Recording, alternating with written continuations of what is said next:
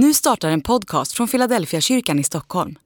Om du vill komma i kontakt med oss, skriv gärna ett mejl till hejfiladelfiakyrkan.se.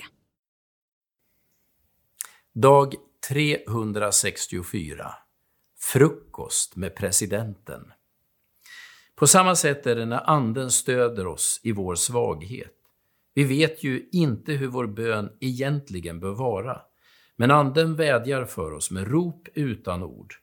Och han som utforskar våra hjärtan vet vad Anden menar, eftersom Anden vädjar för de heliga, så som Gud vill. Romarbrevet kapitel 8, vers 26 och vers 27.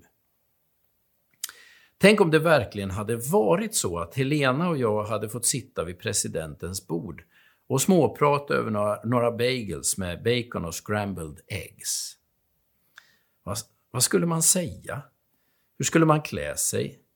Hur skulle det kännas? Skulle man överhuvudtaget kunna sova natten innan?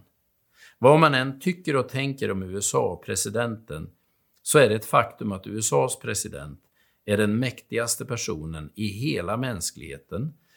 Och för min del tror jag att jag skulle känna det i hela kroppen. Ska jag vara ärlig så är jag osäker på om jag ens skulle fått i mig en enda tugga av den där bageln på grund av all nervositet gränsande till panik som jag förmodligen skulle vara helt uppfylld av vid ett sådant möte. Jag skulle nog inte få ur mig ett vettigt ord. När Paulus skriver till församlingen i Rom betonar han gång på gång att Gud hjälper oss i vår svaghet. För mig är kontrasten påtaglig mellan en audiens hos en mänsklig makthavare och mötet med levande Gud.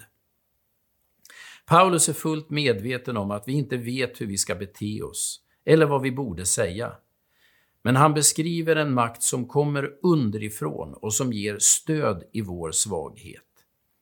Hela den kristna gudsbilden ställer maktfrågorna på ända.